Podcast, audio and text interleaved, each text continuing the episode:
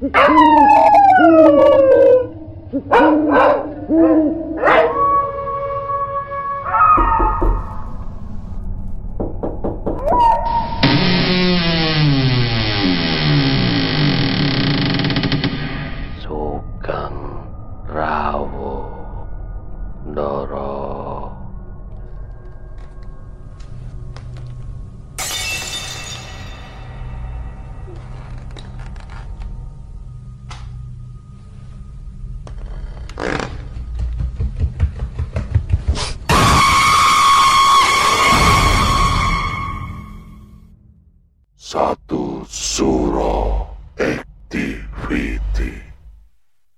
Assalamualaikum warahmatullahi wabarakatuh.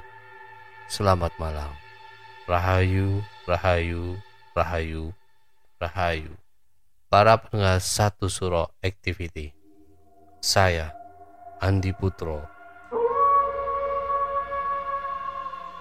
Para pendengar, pada malam hari ini kisah mistis dari Shelly saat ia menjadi penumpang kereta api hantu.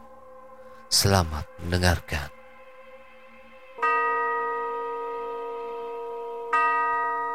Disclaimer dulu ya. Ini kejadiannya ketika belum ada komuter lain. Masih kereta jadul minta ampun.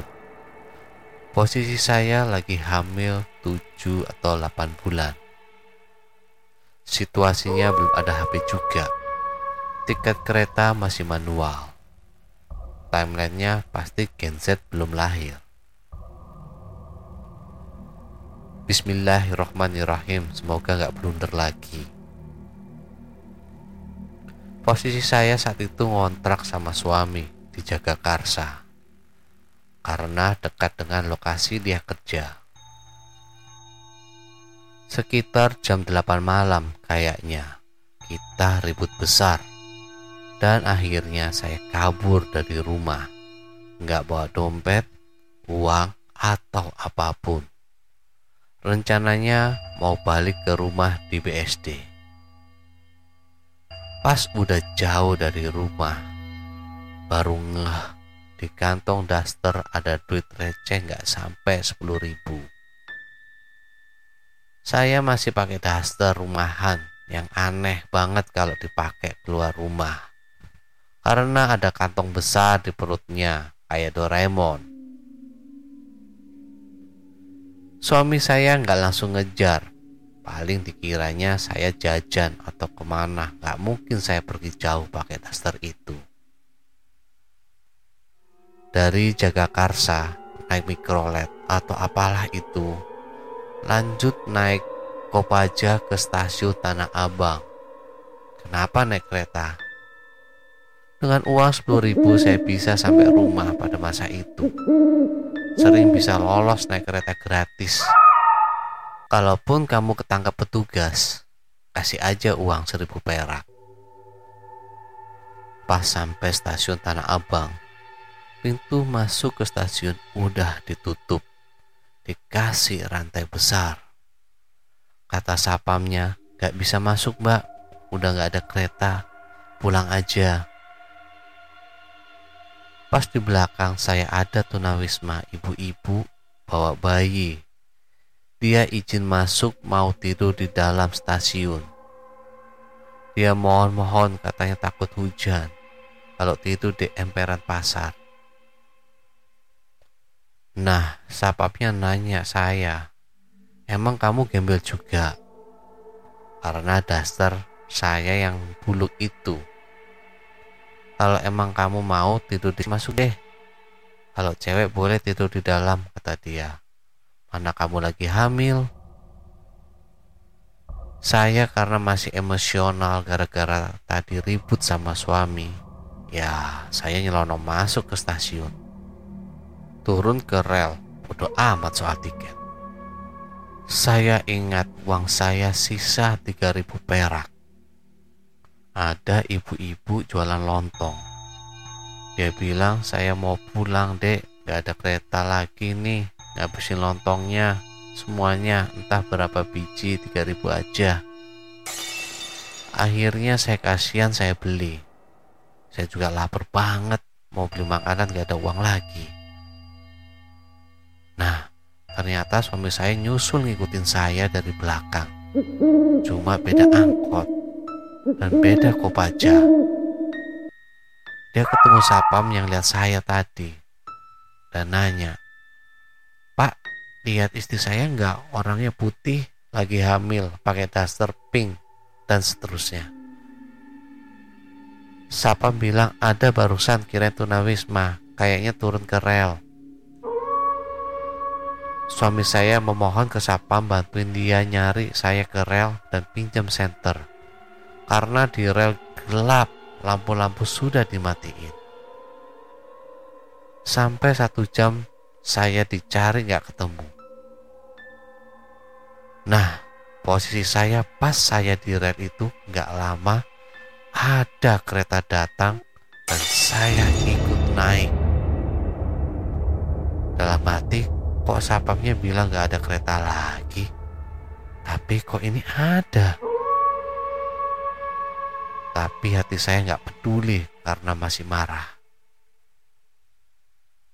Di gerbong yang saya naikin cuma ada lima orang.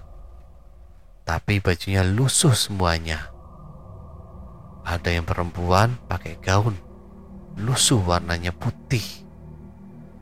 Perempuan itu selalu menatap ke jendela. Rambutnya panjang acak-acakan. Ada juga bapak-bapak yang pakai kemeja.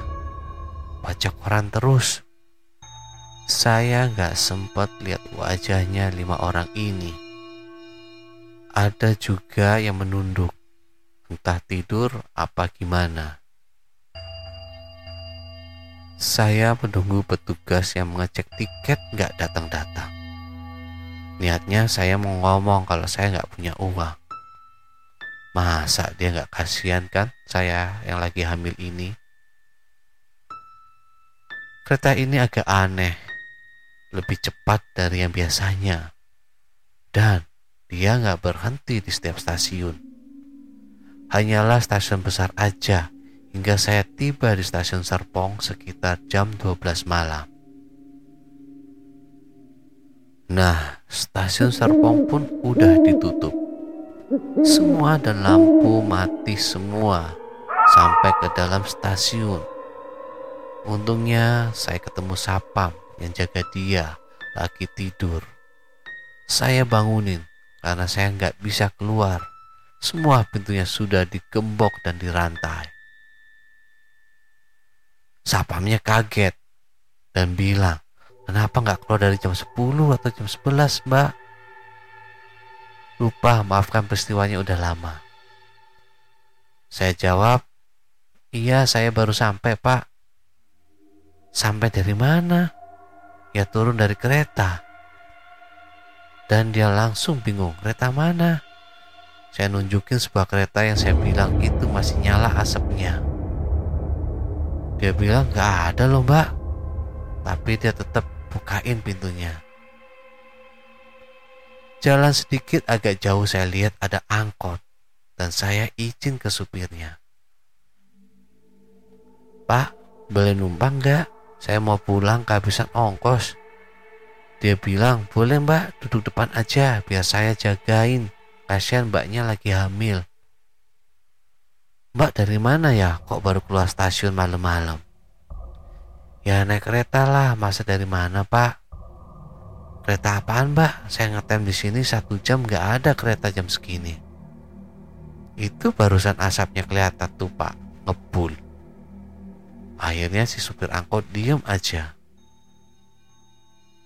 Alhamdulillah, setelah beberapa waktu dan saudara saya bilang kalau saya naikin itu kereta hantu. Dan suami saya juga bilang itu kereta hantu. Karena pas dia nyari saya ke stasiun malam itu Gak ada lagi jadwal kereta. By way, teman saya ada yang jualan sayur di Roxy Dekat rel. Dia bilang pada malam tertentu ada kereta hantu yang lewat di jam-jam yang seharusnya gak ada kereta. Misal jam 2 atau jam 3 pagi. Itulah pengalamanku ketika hamil. Tanpa aku sadari, aku telah naik di sebuah kereta hantu. Masih terngiang di dalam pikiranku. Kok bisa saya masuk ke dalam kereta itu dalam keadaan emosional marah kepada suami? Astagfirullahaladzim.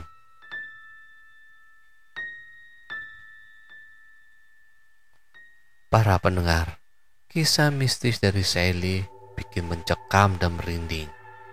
Gak kebayang dalam kondisi hamil dan emosi marah sama suaminya menumpangi sebuah kereta hantu.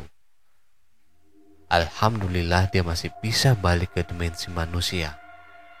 Bagaimana jika si Mbak Sally ini terjebak di dalam dimensi gaib kereta tersebut dan tidak bisa kembali? Untung aja Allah melindungi Mbak Sally. Untuk para istri, kalau lagi emosi, lebih baik ngemil makanan aja. Jangan minggat ya. Apakah kalian pernah mengalami hal serupa? Tuliskan komentar kalian. Para sahabat satu suro activity, tinggalkan catatan doa kalian di kolom komentar, like, subscribe, dan bunyikan lonceng keramatnya. Para sahabat satu suro activity, tetaplah iling lan waspodo. Assalamualaikum warahmatullahi wabarakatuh. Salam, salam, salam. Rahayu, rahayu, rahayu. Salam.